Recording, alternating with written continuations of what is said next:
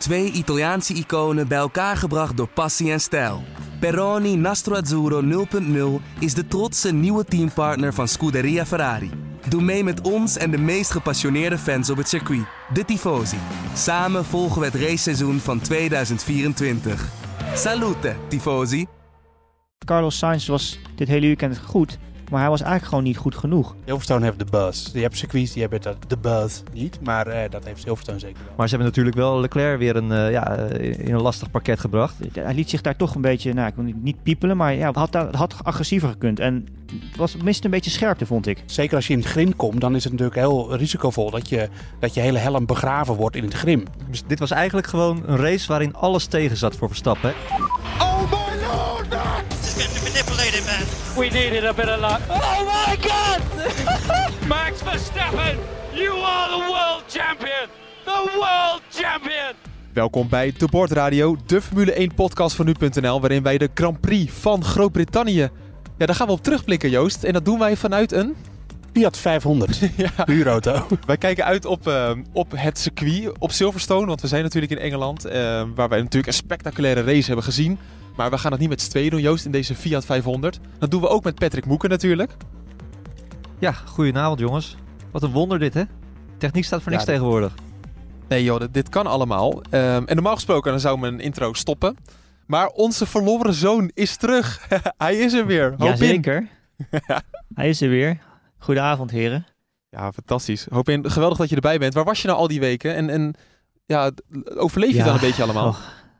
Hou op joh, veel reizen, heel veel op reis geweest. Eh, de, nou, de quarantaine in Hongkong is nog steeds daar. Het, is, het begint een beetje eentonig te worden dat ik hier keer over moet beginnen. Maar eh, dit is nog steeds daar. Dus eh, ja, het moment dat we besluiten om de grens over te steken, Hongkong te verlaten, ja, moet je natuurlijk wel het, het, het maximale eruit halen. Dus we zijn al een aantal weken op pad met, het, met de familie.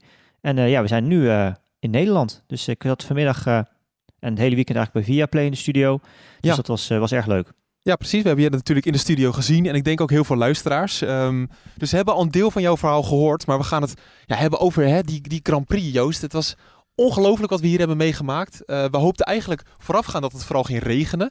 Maar de spektakel kwam vanuit een hele andere hoek. Ja, ik, ehm, laat ik beginnen met, eh, want daar moeten we natuurlijk meteen naartoe, dat, eh, dat we heel blij zijn dat eh Zhou Gang- Zhou Gangyu en, en Alexander Albon heel huid door deze Grand Prix heen zijn gekomen. Nogal. En, en nou ja, met die wetenschap moet ik zeggen dat ik als objectieve verslaggever ontzettend heb genoten vandaag. Het was echt een fantastische race.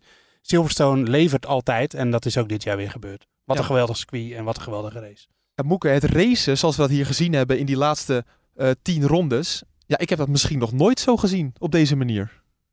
Dat ze zo vlak achter elkaar konden racen en eh, ja, echt stuivertje wisselen. Nee, dat was inderdaad wel vrij eh, uniek. Ik eh, deed het live vlog voor nu.nl en het was, ja, je kan je voorstellen dat het was eigenlijk gewoon niet bij te houden. Op een gegeven moment heb ik ook maar gewoon gezegd, ja jongens, dit is niet, eh, hier kan je niet tegenop typen. Het was stuivertje wisselen. Ja, nou dat heb ik ook nog gezegd. Ja, ge- zit je niet voor de tv, zet hem snel aan. Want, eh, of kijk hem desnoods terug. Want eh, dit mag je niet missen. Nee, dit was echt eh, een fantastische race. Mooiste race van het seizoen tot, tot dusver. Ehm, ja, wel een klein beetje jammer van eh, eh, Verstappen natuurlijk voor de Nederlandse fans. Alhoewel moet ik zeggen dat de schade achteraf nog eh, heel erg meevalt. Maar daar komen we misschien zo meteen nog wel eh, op terug. Nee, dit Ja. was eh, alles wat Formule 1 zo mooi maakte, zat hierin eigenlijk. Ja, was geweldig.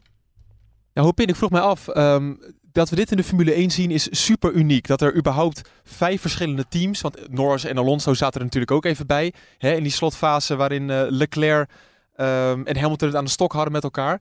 Maar heb jij in een raceklasse zoiets meegemaakt, dat, dat het zo kort op elkaar zit? Ja, nou, het was natuurlijk. De, race werd natuurlijk wel enigszins geholpen. Ons is natuurlijk uh, het spectaculaire race. Dat staat zeker vast. Maar uh, ja, die laatste paar ronden maken natuurlijk het spektakel van Silverstone. hè. En Ja. eh, dat kwam natuurlijk ook een beetje door verschillende bandenstrategieën die we zagen natuurlijk met Leclerc en de rest. En eh, ja, uiteindelijk veel topteams, alle teams die eigenlijk meestreden. Die zag toch nog wel wat verschil. Maar uiteindelijk eh, zagen we het ook al eerder in de race dat de DRS op Silverstone niet per se super goed is om in te halen. Natuurlijk zagen we het wel gebeuren. Maar eh, nou, ja, op een gegeven moment met tussen Sainz en Leclerc bijvoorbeeld. Ja. Toen eh Sainz Leclerc voorbij liet, eh, kon hij relatief goed bijblijven. Dat- Ik denk dat het toch iets van 16e per ronde was of zo. Wat hij wat die won op die rechte stuk met DRS. Ja, en als je dan na zo'n herstart van zo'n safety car daarbij kan blijven op die manier. Ja, dan, dan heb je die trein en dan heb je inderdaad die mooie strijd tussen die verschillende auto's. Ja, echt ongelooflijk wat we daar hebben meegemaakt. Eh, super enthousiast. Eh, ze zullen hem gewoon eens even opbouwen. Want ehm, eh, natuurlijk hebben we het over de kwalificatie gehad. Maar als we dat allemaal gaan bespreken, dan, dan zijn we hier nog twee uur. Zondag is genoeg. Ja, en ik weet niet, de- de Fiat 500 begint nu al te beslaan. Ehm, nee, we lachen nu nog, maar we moeten het echt even over die cra- de crash hebben. Ehm, bij de allereerste start met Joe Kwang Yu. Moeke, toen je dit zat te volgen, want je het live blog hield jij bij, schrok je niet heel erg? Eh, ja, heel erg. Want je zag natuurlijk alleen maar dat, eh, dat beeld van, eh, ja, van, van Joe die achterstevoren op zijn kop ja, door het beeld schoot. Nou, dan hoor je geen boordradio, je ziet geen herhaling. Dan, ja, dan denk je wel eventjes van nou, dit is, dit is foute boel. Gelukkig kwam al wel vrij snel via Sky Sports het bericht dat, dat ze tegen Bottas zouden hebben gezegd dat hij in ieder geval bij bewustzijn was. En, ja, en dat, dat, dat dat dus in ieder geval het eerste goede nieuws was.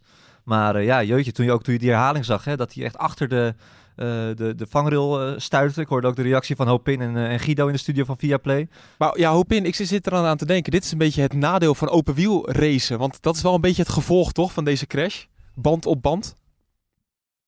Ja, ja, tuurlijk. Dat blijft altijd een risico. Kijk, die Formule 1-auto's tegenwoordig zijn zoveel veiliger geworden. Dat blijkt wel weer ook. Met Ja. alle veiligheidsmaatregelen in het geval van een impact. Maar ja, die wielen, dat blijft altijd een, eh, nou ja, een kwetsbaar punt. In die zin dat eh, als je het in elkaar haakt, dan eh, ja, krijg je ongelukken zoals deze. We zien natuurlijk heel vaak ook gebeuren in, in Amerika.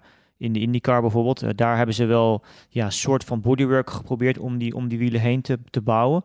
Ehm, Formule 1 is het ja, nog steeds gewoon relatief open. En ja, het is, het is een, natuurlijk, zulke soort ongelukken zien we gelukkig niet vaak. Eh, maar als ze gebeuren, ja, dat blijkt wel vandaag, dan zijn ze vaak wel heel erg heftig. En ja, dat iedereen uitstapt eh, nu zonder ogenschijnlijk grote eh, medische ver- verwondingen. eh, ja, dat is toch gewoon een testament aan hoe, ehm, hoe de veiligheid verbeterd is in de sport. Overigens zeg ik altijd daarbij ook dat, ehm, dat natuurlijk de afzetting op een baan, hè, dus met Tech Pro wordt vaak gebruikt, eh bandenstapel in dit geval. Ja. Ja, hier zag je hem dus daar. ja, dat, dat is dus niet gebruikt eigenlijk in dit geval om de, om de crash eh, impact te verkleinen. Want eh, hij ging natuurlijk over die bandenstapel heen. Ik denk dat wel een van de dingen die opnieuw bediscussieerd zal worden, is toch wel eh, nou ja, het asfalt naast de baan tegenover de ouderwetse grindbak.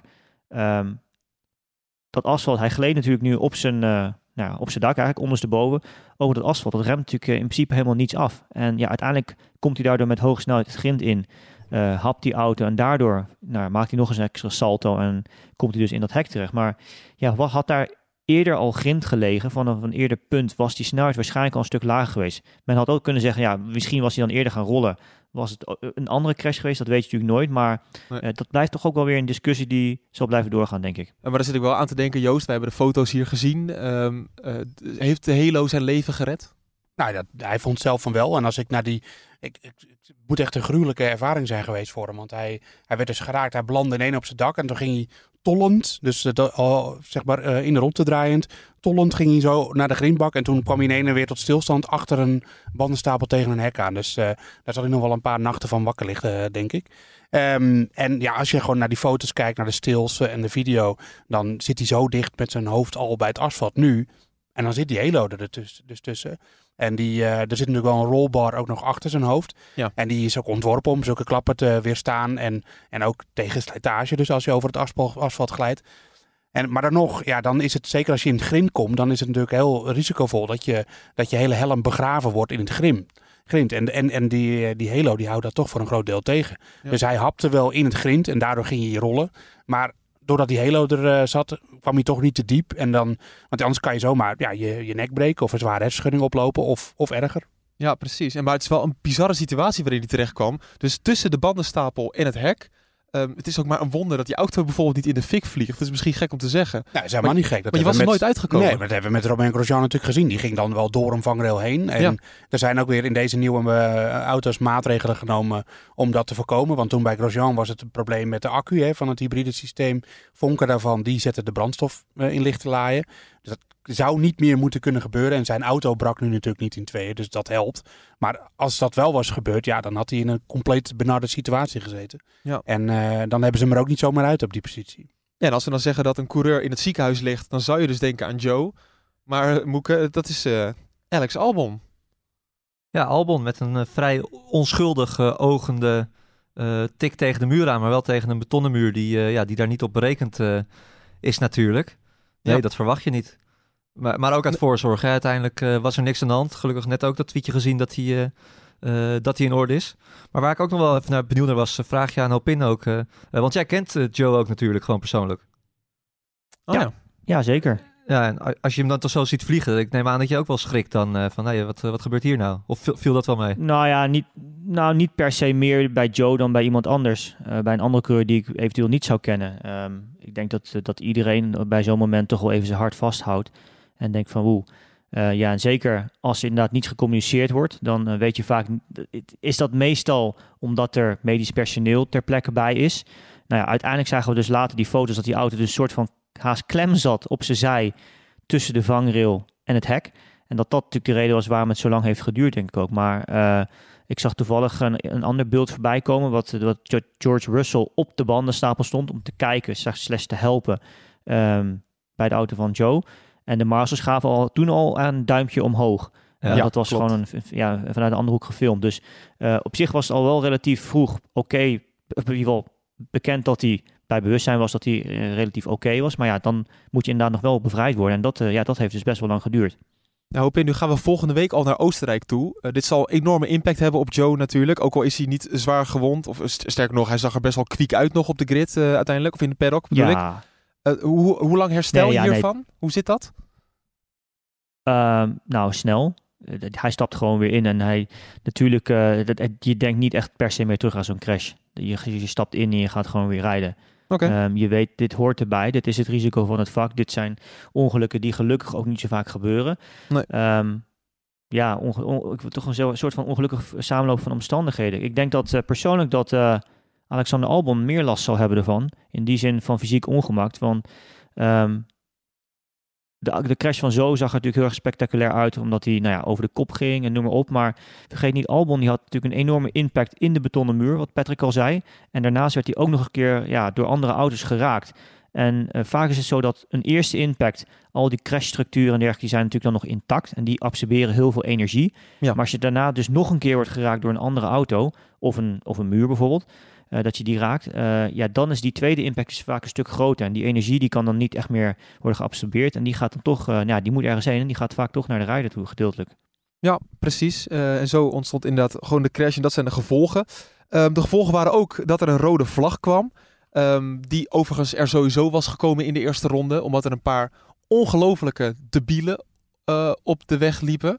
En dat zeg ik maar even los van wat hun statement is. Want het ging over, het was een stop-oil beweging. Nou goed, daar mag je van vinden wat je wil. Maar dat je met, eh, op, op een circuit loopt waar ze met 200, 300 km per uur voorbij lopen. Dan vind ik wel dat ik eh, eh, het mag zeggen dat je een debiel bent, toch Joost? Ja, en het was niet eens de eerste keer dat het hier gebeurde op Silverstone. We hebben al een keer een, eh, een als eh, priester, of ik weet niet meer wat voor outfit hij had, de figuur op het rechtstuk gezien. Die, die, toen reden de auto's ook nog op volle snelheid. En ja, het leek nu natuurlijk veiliger dan het was, omdat die auto's op dat moment al afgeremd waren, omdat de rode vlaggen was. Maar ik kan, je kan mij niet vertellen dat die demonstranten dat wisten. Eh, dat, die, dat die zo snel reageerden op die rode vlag en dachten, nou, dan gaan we dan de, de weg op. Dus die waren echt van plan om, met- om met volle snelheid het rechte stuk, het Wellington Straight erop te gaan. Ja. Ja, dat is, dat is gewoon gekke werk. En, en wat jij al zegt, eh, wat voor statement je ook wil maken en eh, klimaatboodschap. Er zijn ook coureurs die die, die, die uitventen. Vettel, Hamilton, die zei ook van, ik, ik sta achter deze boodschap, maar ga alsjeblieft niet tijdens een race op het rechte stuk zitten. Dat is levensgevaarlijk. En dus ja, het, het gekke werk. Maar je zag ook naar de herstart dat al- als je in duel komt, dan kom je ook op de linker, eh, linkerkant van de baan. Ja, als ze dat niet hadden gezien of te laat, ja, dan waren de gevolgen, nou, die waren, die waren prima te overzien, want je weet hoe het was afgelopen. Ja, maar je, je kunt dus eigenlijk zeggen dat, dat deze Grand Prix en met, eh, met Joe en met, eh, en met Albon, eh, en, maar ook met, met die, die, die mensen op het asfalt gewoon door het oog van de naald is gekropen. Ja, dat is echt ongelooflijk, oh, ongelooflijk waar. Echt, echt een debiele actie. ver- vergeet Nissani niet hè, in de Formule 2. Ja, Oh ook ja. dat nog inderdaad. Ook een hele zware. Dus eh, wat Ja. dat betreft eh, ja, mogen we onszelf gelukkig prijzen dat we in deze stemming van het circuit af kunnen gaan. Ja, dan nog iets eh debiels, althans we hadden een beetje discussie de- in de persruimte erover. Dat na de rode vlag kwam er een herstart, maar met de oude volgorde. Joost, we hebben dat even helemaal Ja. uitgezocht. Oh, misschien hoop in, weet jij dat trouwens ook wel, hoe dat zit? Gebeurt het vaker ook? Nou, Nou, ik, heb, ik moest, ja, over het algemeen, de regels zijn niet, in ieder geval waren me niet helemaal 100% bekend uh, hoe, dat, hoe de procedure zou zijn als het in de eerste ronde zou gebeuren. Maar ik heb e-, ook even gekeken. En omdat niet alle auto's uh, safety car line 2 waren gepasseerd op het moment dat de rode vlag werd gegeven, ja. um, wordt dan teruggegaan naar de originele startopstelling.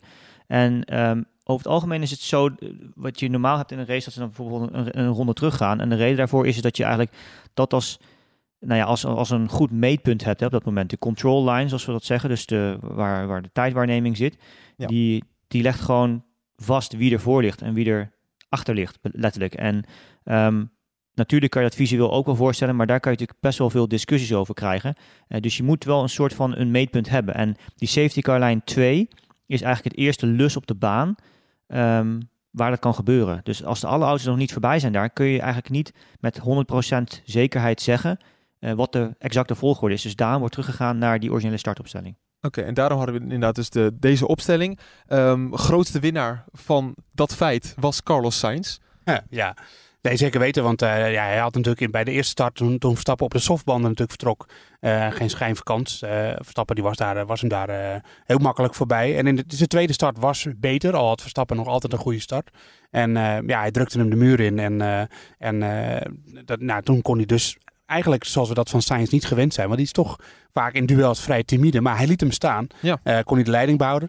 Maar ik moet zeggen, hij was niet de enige die profiteerde van de rode vlag in de herstart. Want er waren ook uh, andere coureurs, zoals Vettel. Die reed achterop bij Albon. Die kon natuurlijk een hele nieuwe voorvleugel nemen. Maar ook Con werd echt hard geraakt door de auto van Albon. Zijn hele rechte voorwielophanging was stuk toch op de een of andere manier de pitch bereikt. En later, oké, okay, hij viel later uit, maar dat ja. had er niks mee te maken. Dus dat wel, zat wel weer in de race. Dus uh, er waren meer coureurs die daar heel erg van profiteerden. Ja, interessant. En wat jij zegt, Joost, Sainz liet hem staan. En ja. Dan moet ik toch even naar jou toe. Uh, jij bent vaak al kritisch geweest op Carlos Sainz. Um, maar nu liet hij echt zien dat hij gewoon ballen heeft. En dat tegenover Max Verstappen. Ja, dat, uh, dat, is niet de eerste de beste natuurlijk. Nee, hij deed het hartstikke goed. Uh, liet zich niet piepelen. Ehm, ja, hij kwam ook goed weg natuurlijk dat hij werd, werd teruggezet. En hij moest ook wel. Ik denk als Verstappen daar al voorbij was gegaan, dan was het een gelopen koers. Uh, geweest. Al moet ik ook wel weer zeggen, we hebben ook wel weer een foutje zien maken. Hè? Want hij gaf later natuurlijk wel op enigszins onhandige wijze uh, de leiding aan Verstappen. Ja, zeker. Dat, uh, daar hebben we het zo meteen over. Ik probeer een beetje chronologie nog in deze podcast te houden. Heel lastig, want er is zoveel gebeurd.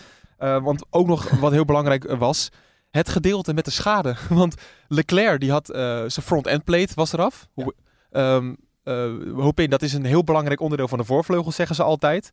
Maar volgens mij hoef je dat ding er nooit Ja. meer op te doen. Want je merkt er helemaal niks van bij Leclerc. Nou, op zich, wat ik wel interessant eraan vind, is dat het op zich ook weer aangeeft hoe aerodynamisch gezien de auto's zijn gewijzigd ten opzichte van voorheen. Ja. Ehm, en dan, dan doe ik eigenlijk, daar doe ik dan eigenlijk mee ehm, dat de manier waarop de auto's eigenlijk de, de downforce, de neerwaartse druk genereren. Het grootste gedeelte komt, zoals de luisteraars waarschijnlijk ook al weten, natuurlijk vanuit de vloer tegenwoordig, met die grote tunnels onder de vloer. Uh, als dit bijvoorbeeld vorig jaar was gebeurd, ja, dat had echt een enorm effect gehad uh, op de auto. Uh, en dit, ja, we hoorden de engineer van Leclerc ook zeggen, Xavier Marcos op de radio, dat het vijf punten downforce was. Ja, dat is eigenlijk relatief weinig. Als je dat bijvoorbeeld vergelijkt met Verstappen, die dus schade aan de vloer heeft, dat konden we dus eigenlijk niet zien. Ja, maar dat, dan, dan praat je dus echt over waarschijnlijk tientallen punten downforce. En dat geeft een beetje de verhouding aan en ja, hoe dat tegenwoordig, uh, hoe dat eigenlijk ligt. Dat vond, ik, dat vond ik eigenlijk wel interessant, want hij was gewoon heel competitief, ondanks die schade. Ja, precies. Ja, en uh, het, hij was nog sneller ook dan zijn eigen teamgenoot, die met een wel volledige Ja. Ferrari reed. Um, en Sainz, die, die klaagde juist dat hij, dat hij heel veel last van onderstuur had, de hele race. En daarom was hij ook gewoon per- permanent eigenlijk langzamer dan Leclerc. Um, dus dat geeft er eigenlijk ook wel aan dat, dat Sainz vandaag wel de winnaar was, maar hij was niet de snelste. Uh, en hij heeft toch een beetje geluk gehad. Ja, nu hebben wij een paar weken geleden heel erg gelachen om de meatball flag. Uh, Moeke, wij, wij lagen helemaal in, in, een, in een deuk. De black and orange flag is dat. Um, en die wordt gezwaaid, of wordt getoond als je uh, dusdanige schade achterlaat op, op de baan bijvoorbeeld. Of dat je een gevaar voor anderen bent. Waardoor je naar, verplicht naar binnen moet. Pierre Gasly heeft die deze race gezien. Maar uh, Leclerc en Perez reden ook met stukjes endplates rond. En die hoefden niet naar binnen. Um, Moeko, heb, heb je enig idee hoe dat kan? Dat is een beetje oneerlijk, denk ik. Ik neem aan dat de schade bij, uh, bij Gasly veel groter was dan bij die anderen die, uh, die, die, ook schade hadden. Dat, dat moet de enige verklaring uh, zijn. Anders zou het wel oneerlijk zijn. Maar het is inderdaad wel to- toevallig. Ja, we, we hebben die meatballvlek, die zie je bijna nooit. En nu opeens, nou, een paar races achter elkaar. Ja, dat- ze, ze, Ja. de Marshals kunnen hem nu echt niet meer vergeten, om het zo maar even te zeggen. Want eh, ja, dan, dan, eh, dan komt het niet meer goed. Nee, en sterker nog, eh, degene die daar misschien wel van ehm, een, een nadeel van heeft ondervonden, dat was Max Verstappen. Die een stukje carbon in zijn eh, vloer heeft gekregen. Joost, jij hebt hem Van daarover AlphaTauri. gesproken. Oh. Ja, ja, waar lag dat aan uiteindelijk? Waar het dan lag? Ja, geen goede vraag, hè? Nee, nee.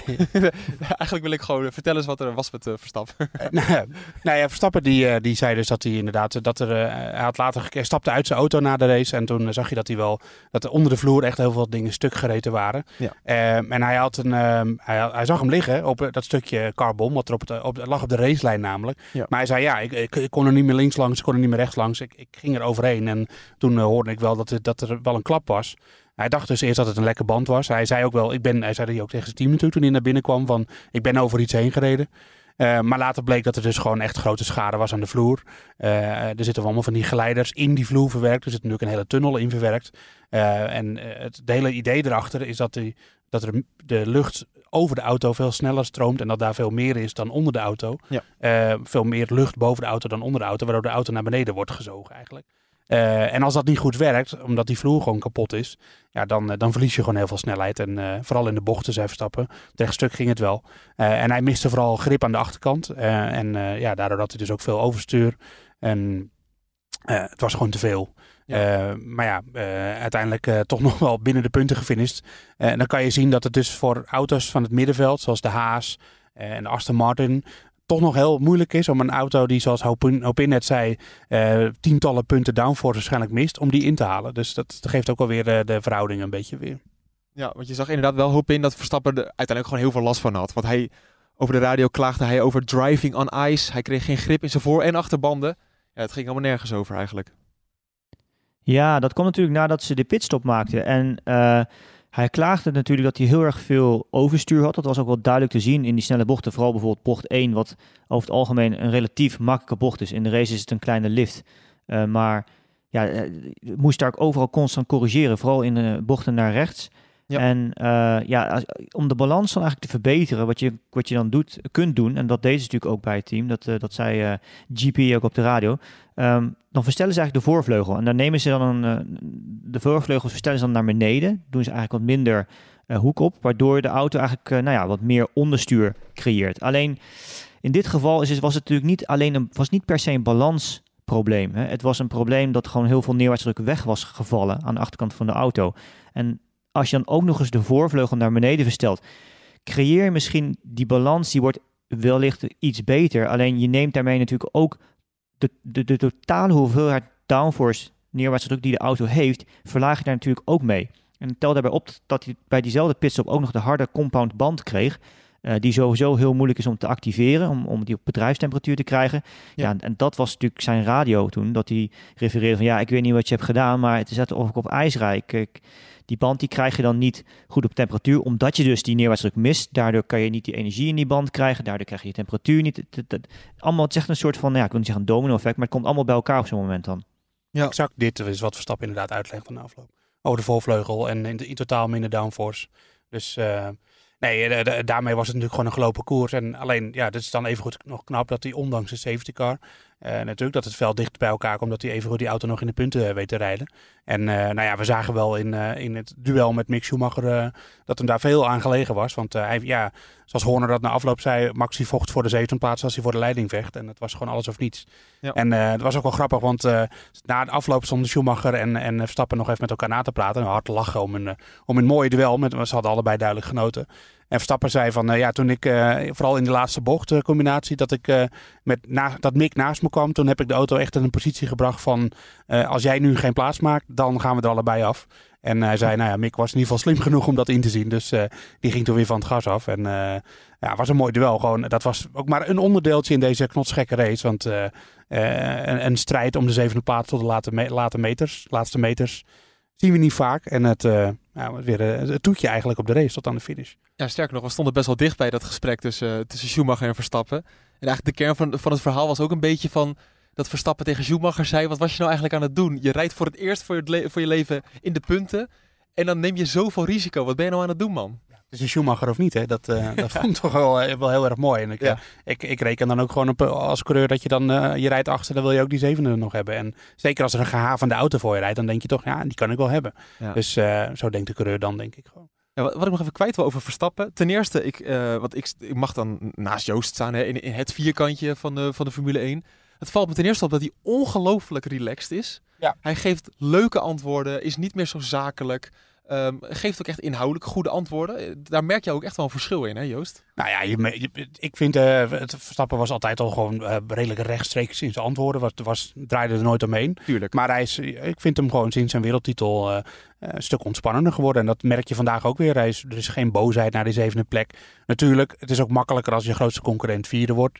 Hè, eh, Leclerc en dat Ferrari het zichzelf nog moeilijk maakt. En dat Hamilton wel snel is, maar uiteindelijk toch nog weer niet weet te winnen. Ja. Eh, dus, eh, dus ja, dat is ook misschien ook makkelijker praten. Maar nee, hij is, eh, hij is ontzettend ontspannen. Dat is gewoon sinds Abu Dhabi vorig jaar eh, ingezet. Ja. Dat is ook, zie je ook aan hoe hij met het boegeroep omgaat van, eh, van zaterdag. Eh, daar haalt hij ook gewoon zijn schouders over op. En eh, ja, dus het is, eh, we hebben te maken met een zeer ontspannen regerend wereldkampioen en eh, WK-leider. En weet je wat me ook nog opvalt? Eén dingetje nog. Is hij moet echt zijn verhaal kwijt na een race. Hij zoekt alle coureurs op. Lando Norris natuurlijk, Daniel Ricciardo, eh, Sainz, Leclerc heb ik al gezien. En Schumacher dus. Ja. En Verstappen gaat dan vertellen wat hij heeft meegemaakt. Het is een soort monoloog van... van ja, dan gebeurde dit en dan gebruikt hij dat handje zo, weet je wel. Ja, maar coureurs vinden het denk ik na, een- na een race gewoon ook heerlijk om met elkaar na te praten. Ik denk dat Hopin dat wel eh, kan beamen. Ja, ja, tuurlijk. Ja, ze is een beetje de race eh, even samenvatten voor, voor, voor zichzelf. En eh, ja, Ja. toch, oh, weet je, die actie daar en zus en zo. En ja, zeker natuurlijk eh, nou, die, die, die, races, die races onderling, die laatste paar ronden, waar natuurlijk zo ontzettend veel gebeurde. En ja, Verstappen dan in zijn geval met Schumacher. Ja, dat was ook wel een mooi gevecht. Die kwamen natuurlijk nog naast elkaar club uit, hè, die laatste bocht, ehm, richting, de, richting de finishlijn.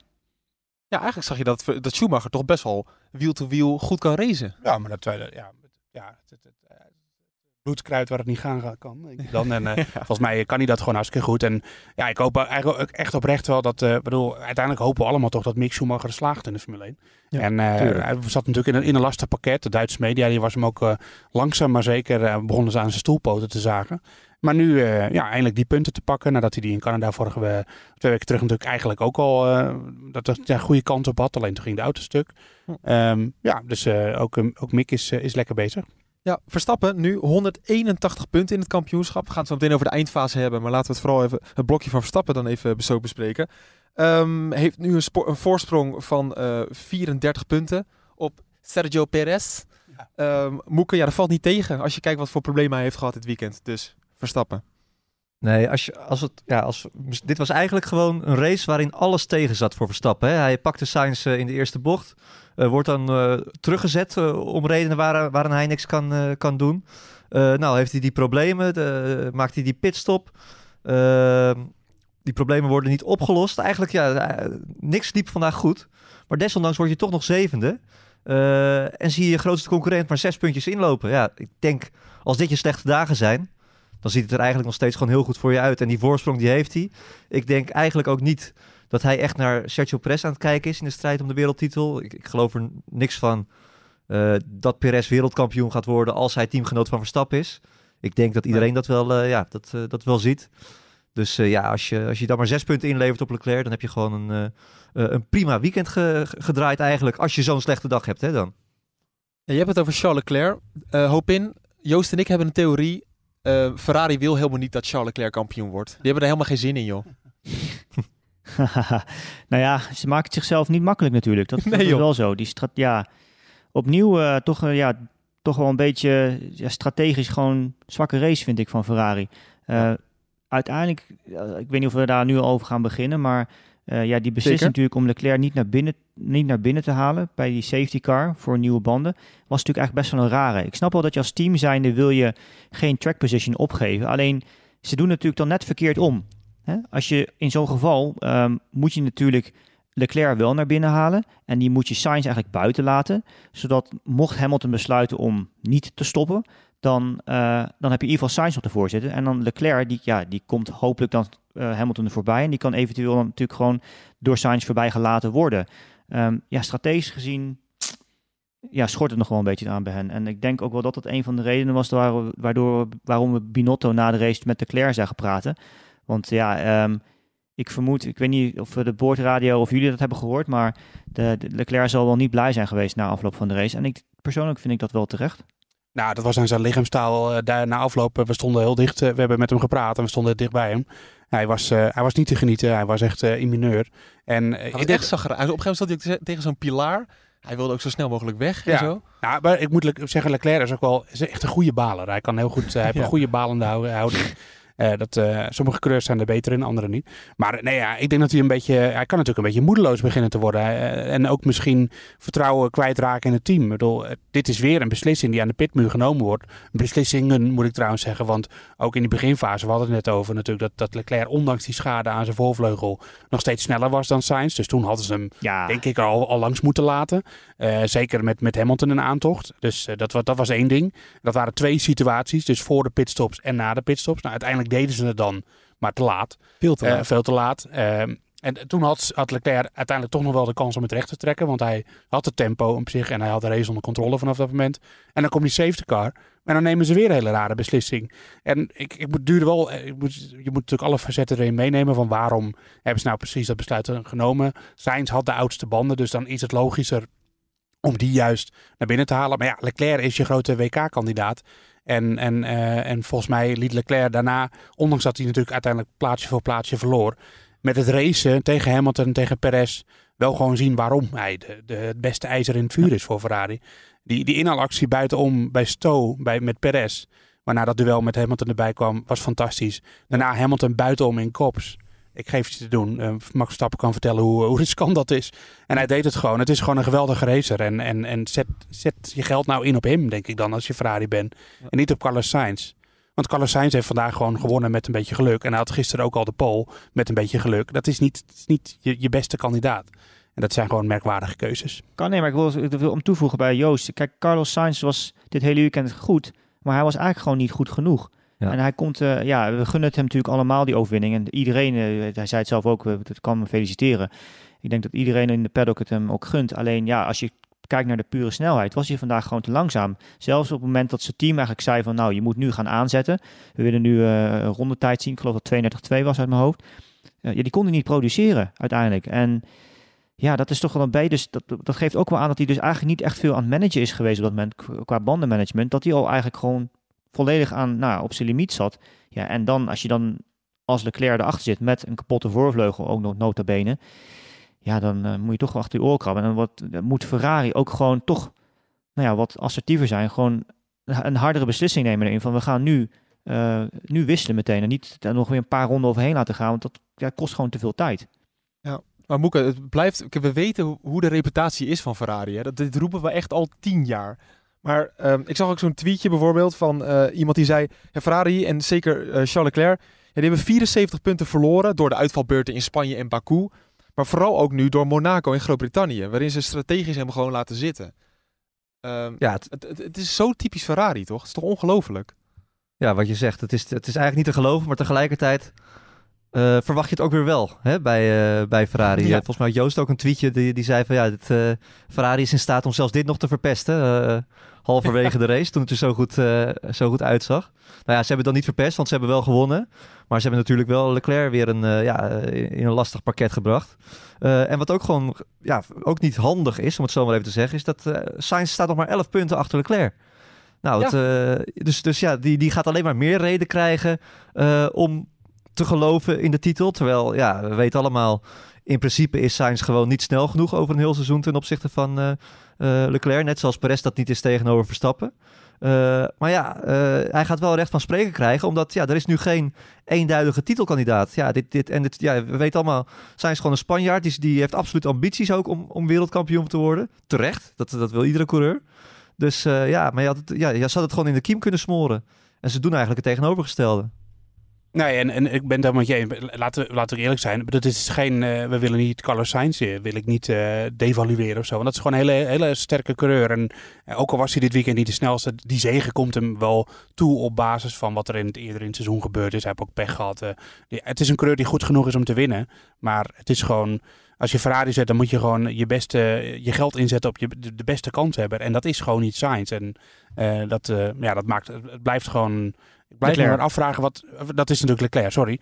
Ik blijf me dan maar afvragen wat er, of ze dan niet willen kiezen. Of dat ze denken, we willen Sainz ook niet te, te veel eh, mentaal eh, kwetsen door zoiets te doen. En eh, wat gaat er dan in een team om? Ik, ik heb toch het idee dat die wat meer Brits georiënteerde teams, dat die altijd Ja. gewoon wat kordater zijn en gewoon heel rationeel denken. En dit is onze beste man. En die, kijk maar hoe Verstappen eh, wordt behandeld bij, bij Red Bull. Daar, daar zou dit nooit gebeuren. Daar zou eh eh, Perez in die situatie al lang plaats hebben moeten maken. Nee, nou, het leuk er volgens mij gewoon geen afspraak over gemaakt, lijkt het wel. Dat is het gekke. Omdat ze zeggen, dus eerst gaan ze zeggen van nou, jullie zijn gewoon vrij om te racen. Eh, vervolgens komt er een boordradio waarin ze tegen Sainz zeggen, nou, je moet toch een soort target halen. Eh, anders moet je toch weer gaan switchen. Leclerc die zit dan ongeduldig te wachten van ja, hij haalt het, eh, hij kan dat helemaal niet. Je kan er ook nu al voorbij, we verprutsen tijd. Je kan het allemaal oplossen door gewoon van tevoren te zeggen, jongens, eh, eh, als we in deze situ- situatie komen, dan gaan we het zus of zo doen. Duidelijkheid scheppen, maar ja, dat gebeurt niet. En dan krijg je ja, eh, een heel ontevreden coureur. De, je eerste coureur die ontevreden is, zeg maar. Ja, dat is precies wat je niet wil, volgens mij. Nee, en al ben je al sinds 2007 geen eh, rijderskampioen meer geworden, dan moet, wordt het toch tijd dat je in ieder geval eh, de kansen die je hebt niet op zo'n manier verprutst. Mag ik even een mo- momentje pakken? Ik zag een, een tweetje over ehm, een statistiek van Carlos Sainz. Dat hij nu de negende coureur is die eh, met de naam Car in zijn auto een Formule 1 race heeft gewonnen. de, de- of de, de naam Car in zijn, in zijn naam. Maar ja, misschien moet ik even een hoop invragen. Kan, kan je er een paar noemen of, of overval ik je er een beetje mee? Want ik vind dit echt heel leuk namelijk. Nou, dan moet je bij Joost zijn, denk ik. Die is daar beter in. Nou, ik heb het met Joost al besproken. Ik heb Oh, voorkennis. Nee, ja, nee. ik- Voorkennen. Nee, bijvoorbeeld eh, Alberto Ascari. Hè? Car. Ricardo, Ricardo Patrese. Precies. Of Carlos Reutemann. En Daniel Ricardo. Nee, dat is, nee, dat, dat is, Maar dat is alleen uitspraak. dat is alleen een uitspraak. Ja. En je hebt bijvoorbeeld Giancarlo Fisichella. Ja, Oh ja, Ja, dit is toch geweldig? ja, ja. Ja, Ja. leuke Ja, quizvraag. nog, ja. Ja. José Carlos eh Patje. Mooie pubquiz dit. Dan wil ik toch even naar de slotfase toe. Want dat was echt sensationeel. Een van de mooiste tien eh, rondes die we in de Formule 1 hebben gezien. Misschien wel in jaren, misschien wel ooit. Om een beetje te overdrijven. Ja, je houdt wel echt van overdrijven. Nee, maar ik heb journalisten dat horen zeggen. Ja. Sterker nog, Joost. Ja. Ik, eh, wij zijn samen in Abu Dhabi geweest. Ja. Daar werd wel geklapt in de laatste ronde.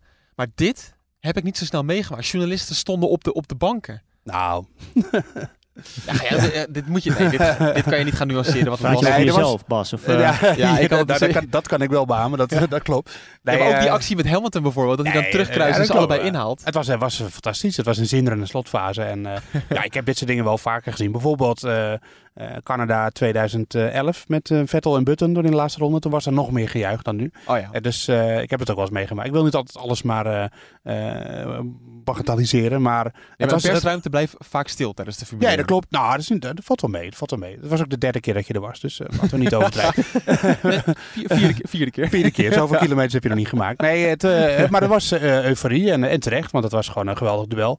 Eh, Hamilton eh, vond het ook leuk om Hamilton gewoon weer eens eh, in de strijd te zien. Echt.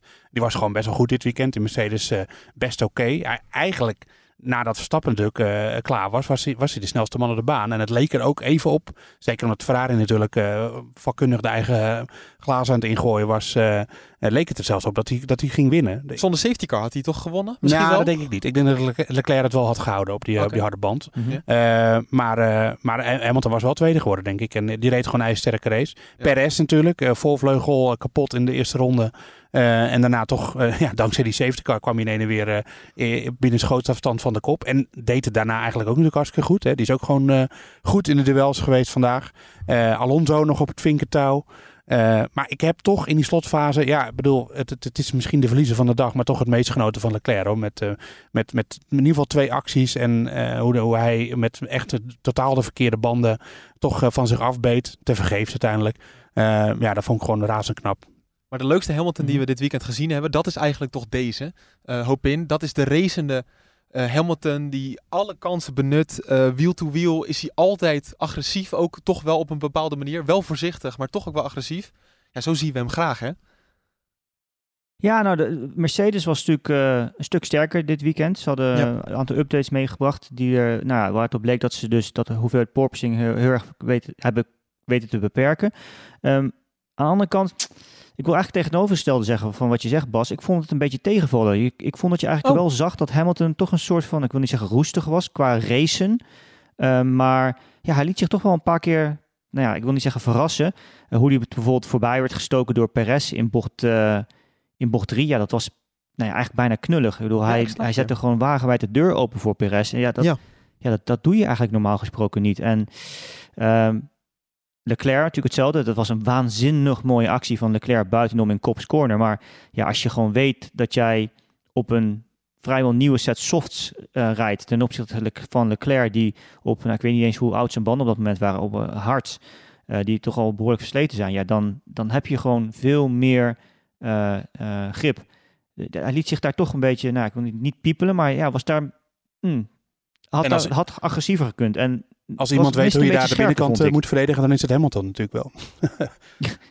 Ja, nee, maar ik, ik, vond het een beetje, ik vond het een beetje, eh, een beetje scherp te missen. En eh, ja, zeker als je ziet, uiteindelijk belandt hij dan wel op het podium. Maar ik denk dat het, dat het meer had kunnen zijn. Want uiteindelijk, ja, de snelheid zat wel in die auto. En ja, eh, we gaven natuurlijk al eerder aan. Sainz was dit, vandaag zeker niet de sterkste op de baan. Wie weet wat als. Maar goed, dat is natuurlijk altijd in autosport wat als. Maar ehm, ja, uiteindelijk eh, eh, liet hij zich toch een beetje piepelen, vond ik. Ja, dat is helemaal waar. Wat wel nog grappig was, is dat Hamilton tijdens de persconferentie nog een enorme sneer aan eh, Max Verstappen uitdeelde. Door met die situatie in eh Kops te beschrijven als, ja, als je eh, de tegenstander rekening met mij houdt, dan zie je wat er ook kan gebeuren. Waarin dus eigenlijk zegt, Verstappen dat is hield vorig jaar... Nee, dat, Maar dat, dat, dat vind, daar zijn we het over eens. Nee joh, dat is onzin man. Want als je de herhaling ook kijkt, je ziet dat Hamilton nu met zijn binnenkant van zijn, recht, zijn rechtervoorwiel zit hij op de curbstone in Cops corner aan de binnenkant. Ja. En blijft hij ook zeg maar een beetje zo daar langs rijden. Terwijl hij natuurlijk vorig jaar met Verstappen liet hij de auto naar buiten lopen. En dat is het moment eigenlijk dat ze elkaar raken ook. En Leclerc, eh, in tegenstelling tot Verstappen, zat eigenlijk nog verder naar binnen zelfs. Eh, het was puur omdat Hamilton gewoon dit keer, nou ja, toch wat ik zei, eh, een beetje voorzichtig was, te voorzichtig was. Eh, dat ze gewoon met z'n tweeën he- heel huids die bocht eh, doorkwamen. Nee, en Hamilton die heeft natuurlijk eh, nooit toegegeven dat hij daar fout zat. En dat gaat hij nu ook niet meer doen. Dus dat was, eh, dit is iemand die gewoon in zijn gelijk blijft hangen. Ja, en, maar daar heeft hij dan wel over nagedacht, want hij heeft het ook gezegd voor de camera van Sky Sports nog een keer eh, net vanavond. Echt waar? Ja, Oké. dus eh, ik, ja, ik dacht eigenlijk dat hij het alleen daar had gezegd. Maar als hij dat ook op de persconferentie heeft gezegd, dan vind ik het helemaal... eh, ja, dan, is het helemaal dan heeft hij er echt over nagedacht. Dus eh, ja, valt, valt me dan wel een klein beetje tegen van hem. Ja. Ja, coureurs vinden het af en toe ook gewoon fijn om een, eh, om een sneertje uit te delen. Dus dat, eh. En Hamilton en Verstappen die, die, die hebben de vredespijp gerood. En die gaan op zich gewoon goed met elkaar om. Maar ze laten toch ook geen kans onbenut om af en toe toch net even dat steekje onder water te geven. En eh, nou, ik denk dat als Verstappen dit hoort, dat hij opnieuw zijn schouders erover ophaalt. Denk ik ook, ja. Inter- Interessant allemaal. Zullen we eens gaan kijken w- ja, wat de voorspellingen hebben gedaan met het NuSport GP-spel? Ja, eigenlijk als we het podium bekijken, dan staan alle tweede coureurs op het podium. Moeten we toch... Of, Ja, dat doe je Hamilton wel een beetje tekort. ja. ja, ik zit eigenlijk te denken. Ik bedoelde het nog ineens wel als een sneer. Maar het feitelijk gezien is natuurlijk op basis van dit seizoen wel een beetje zo. Russell is, vind ik gewoon beter dan Hamilton dit seizoen. Eh, maar daardoor ja, hebben heel veel mensen geen of weinig punten gescoord. En dat moet een slagveld geweest zijn in het GP-spel, Moeke. Ja, het is, het is eigenlijk iedere week een eh, slagveld, eh, moet ik zeggen. Ja. Zeker als het om, om ons gaat, eh, Bas en Joost. Maar Emiel Kleinsma, die had het wel allemaal goed, goed gezien al voorafgaand aan het weekend. Die had namelijk een team met Carlos Sainz, Sergio Perez, Fernando Alonso en Yuki Tsunoda. Dus ja, Yuki heeft dan die geen punten gescoord, maar die eerste drie natuurlijk wel heel veel. Hartstikke goed gedaan. Joost, jij was van ons drie nog het beste. Plaats weet je waarom? 224. Weet je waarom? Omdat ik Verstappen niet op het podium had. Ik had een voorgevoel eh, dat dat niet ging gebeuren. Nou, dus dat- eh, dat, dat zullen- ik hoop niet dat de mensen me nu een, een jinx verwijten. Maar, eh, ja, dat, had ik, maar ik had gezegd dat hij uit ging vallen. Dat is, eh, ik kreeg er uiteindelijk ook helemaal niks voor. Ja, maar voor- Nee. ik was de beste, toch? Joost had 55 punten, ik 58. Echt niet? Nee, dat klopt niet. Ja, dat, ja, dat klopt wel. maar maakt niet uit. Gaat Oké, nou, oké, gaat, om, gaat, eh, gaat, eh, gaat zeker om het eh, idee. Terwijl jullie stonden wel allebei hoger dan ik, want ik ben geëindigd op plaats 629. Dat, eh, ja, daar Ja. hoef ik niet over naar huis te schrijven. Eh, algemeen klassement pakken we er even bij. Eh, Jeroen Heijmans, 942 punten bovenaan. Jos de Bos, 82, plaats 2. En Mirjam Ravenstein op plaats 3 met 930 punten. Wat leuk, Bas, een vrouw in de top 3. Ja, hartstikke goed. Ja, ook vrouwelijke luisteraars. Je verwacht het niet, maar best wel veel ook nog. Ehm, Ja, super. Bas, ja, heel goed. Bas, plaats 79. Beste van ons drie, keurig. Ja. Top 100.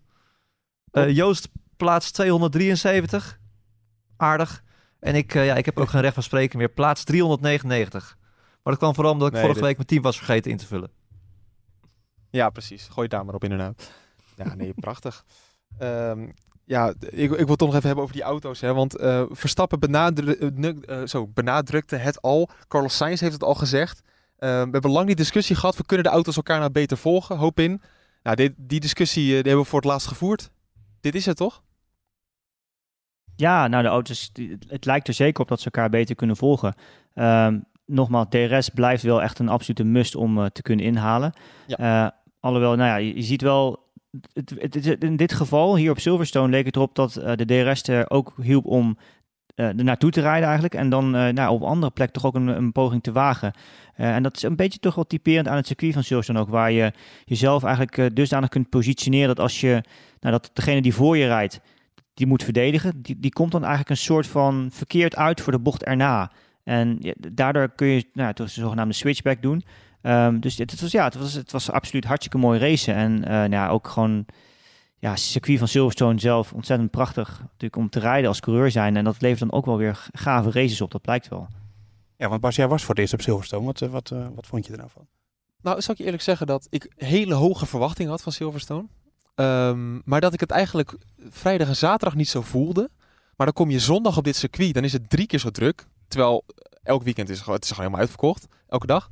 Ehm, maar en op een gegeven moment gewoon de, de mensen die op die heuvels zitten, de reuring, eh reuzenratten, festivals. De buzz. De buzz, die is echt ongelooflijk. Silverstone heeft de buzz. Je hebt circuits, die hebben dat, de buzz niet. Maar eh, dat heeft Silverstone zeker wel. Abu gewoon- Dhabi heeft dat niet. Abu Dhabi heeft niet, maar Bahrein heeft het vooral bijvoorbeeld niet. Nee, dit is gewoon een echte, echte liefhebberscircuit. En eh, eh, het is volgens mij de derde op de kalender qua hoogste gemiddelde snelheid. En ik vind een hoge gemiddelde snelheid draagt gewoon, zeker als er veel, met veel bocht is, zoals Silverstone. Want Monza is natuurlijk sneller, maar ja, dat is alleen maar rechtuit eigenlijk. Ja. Dan, en, en, en dat is gewoon, ja, dat, het- eigenlijk is het een soort van J- eh, Jeddah zonder muren, zo moet je het een beetje zien. En, eh, en eh, het leeft gewoon, het is gewoon een fantastisch spektakel. Ik hou echt van deze baan. En dat is vandaag weer bewezen. Ja, prachtig. Is, is het ook leuk om op de race hoop in? Want je hebt, hebt het natuurlijk heel vaak gedaan. Het is gewoon top, toch? Ja, zeker. Hartstikke mooie baan om te racen. Ja, ik heb er zelf veel geraced, ook in het VIA World Endurance Championship. Twee keer gewonnen. Ja. In LMP2. Ehm ja, Laat toch prachtig circuit. Ja, Ehm, even flexen. Toch even... Ja, eh, moet, het ik moet even noemen natuurlijk, hè. Ik, eh, ja, nee. Nee, Terecht maar het, het is heel grappig. Als je, als je zo eh, die auto's aan het ziet rondgaan, daar ook je... eh, en je ziet hoe de rijders, zeg maar, bepaalde bochten rijden. Dan weet je ook eigenlijk gewoon wat er gebeurt, omdat... eh, het circuit van Silverstone heeft ehm, een, paar, een aantal karakteristieken. We hadden natuurlijk in de voorbeschouwing met Patrick ook al aangehaald. Eh, de wind speelt altijd een grote rol. Ik denk dat dat overigens ook de reden was waarom bijvoorbeeld eh Sainz dat kleine foutje maakte, waardoor Verstappen de leiding kon overnemen in het begin van de race. Ehm, er zijn een aantal bochten waar je een soort van natuurlijk onderstuur in de auto hebt. Dat is bijvoorbeeld ehm eh, eh, Laffield, om een, een bocht te noemen. Eh, dat is uh, Kopscorn, toch ook wel in zekere zin. Ja. eh, Chapel. Dat zijn allemaal bochten waar, nou ja, en, en dat is eigenlijk, dat maakt het voor een coureur ehm, en een team ook alweer interessant, omdat je daar met de autoafstelling een soort van op moet anticiperen. En tegelijkertijd ook als coureur zijn, dan moet je daar eh, op een bepaalde manier mee omgaan qua rijden, omdat je die linker voorwand eh, moet beschermen eigenlijk. Je, je kunt veel harder de bocht door, maar je moet je eigenlijk een soort van inhouden om niet te gretig te zijn. En eh, om, omdat je anders gewoon te, te snel die, die linker voorband opeet en toch grading creëert ook. Ja, nou prachtig. We hebben echt genoten van Silverstone. En we gaan eigenlijk door naar het volgende circuit dat echt spektakel gaat opleveren. Maar Moeke misschien ook wel een makkie hè, voor, eh, voor Verstappen. Want topsnelheid is daar zo belangrijk. Ja, dat zit wel goed met de Red Bull. Ja, al zien we wel dat eh, Ferrari toch wel een stap eh, heeft gemaakt. Ik denk ook, we hebben misschien nog niet helemaal goed besproken, maar Mercedes heeft natuurlijk ook echt wel een stap vooruit gezet, zoals het nu lijkt. Ja, het, Ja. ik, ik, ik, ja, ik denk niet dat Verstappen, ik denk, hij, zal- hij, maakt, ja, hij maakt overal een goede kans natuurlijk. Maar ik denk niet dat hij echt met een gigantische marge daar gaat, gaat winnen of zo. Nee, ik denk dat het eigenlijk gewoon weer een spannende race eh, wordt. Ik denk wel dat hij eh, extra gebrand is om daar weer te winnen. Eh, voor de Nederlandse fans natuurlijk, maar ook omdat het eh, ja, op Silverstone niet liep zoals hij zelf wilde. Ja, zullen we dat dan van dichtbij maar gaan meemaken, Moeke? Ja, wordt geweldig, eh, Bas. We gaan eh, een mooie trip er even van maken. Dat, eh, dat, eh, die Oostenrijkers zullen eens wat beleven. ja, we gaan eh, Oostenrijk even onveilig maken. Moeke en ik zijn daar dus bij. Een week lang in, ehm in Spielberg. Ja, dan gaan we zien hoe de verhoudingen zijn. Ik wil in ieder geval Hopin bedanken dat je er weer bij was. Onze verloren zoon. Ja, dat was leuk. maar, waar, ga je de komende weken... weer. ja, laten we dat eens even doen. Maar waar ga je de komende weken heel vaak bij Viaplay zien, toch? Ja, ja, zeker. Ik, eh, volgende race, Oostenrijk, ben ik ook weer bij. Leuk. Dan eh, Frankrijk niet, maar Hongarije ben ik ook weer van de partij. En eh, daarna moet ik weer terug naar Hongkong. Nou, kijk. Maar eh, de- ja, jullie, bent nog twee, jullie zitten nog twee weken met twee races met me opgeschreven.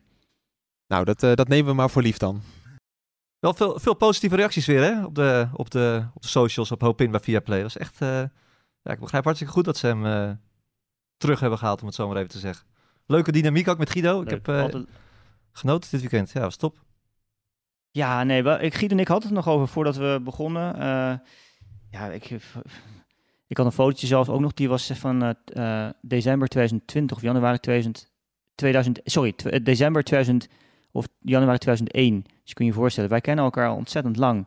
En eh, zijn ook nou, gewoon vrienden. En dus ja, die, die, dynamiek ging heel erg eh, goed en eigenlijk gewoon heel natuurlijk. En ja, Guido had natuurlijk ook ontzettend veel ervaring, heel veel kennis. En ja, was, eh, was, eh, was erg leuk om samen te werken. En eh, hopelijk eh, spoedig weer. Ja. Fantastisch, we gaan het meemaken. Dankjewel uh, Hopin en eh, veel succes daar de komende tijd bij Viaplay. En eh, we zien je snel natuurlijk weer in de uitzending. Ik ga hem afronden. Bedankt voor het luisteren aan de luisteraar. En nog één dingetje. Wij zouden het nou echt top vinden als je abonneert op de Boordradio. Eh, wat is daar nou handig aan? Het is ten eerste gratis. Ten tweede, je krijgt een melding als een aflevering online staat. Eh, en daarnaast is het ook gewoon belangrijk voor onze vindbaarheid. Misschien moeten we daar ook gewoon eerlijk in zijn. Hoe meer mensen abonneren op onze podcast, hoe hoger wij in de, in de charts komen. Eh, en wij willen nog hoger komen, want we staan al 18e in de top 40. Ja, en dan kunnen mensen, eh, als er meer luisteraars zijn, zijn er ook meer mensen om na te praten over onze napraat. Ja, precies. Hè? Dat is Dat mijn, dat is mijn theorie. nou, oké. nou, eh, ik ga hem afronden. Dank jullie wel. En tot woensdag of donderdag bij de vooruitblik op de Grand Prix van Oostenrijk. Tot dan.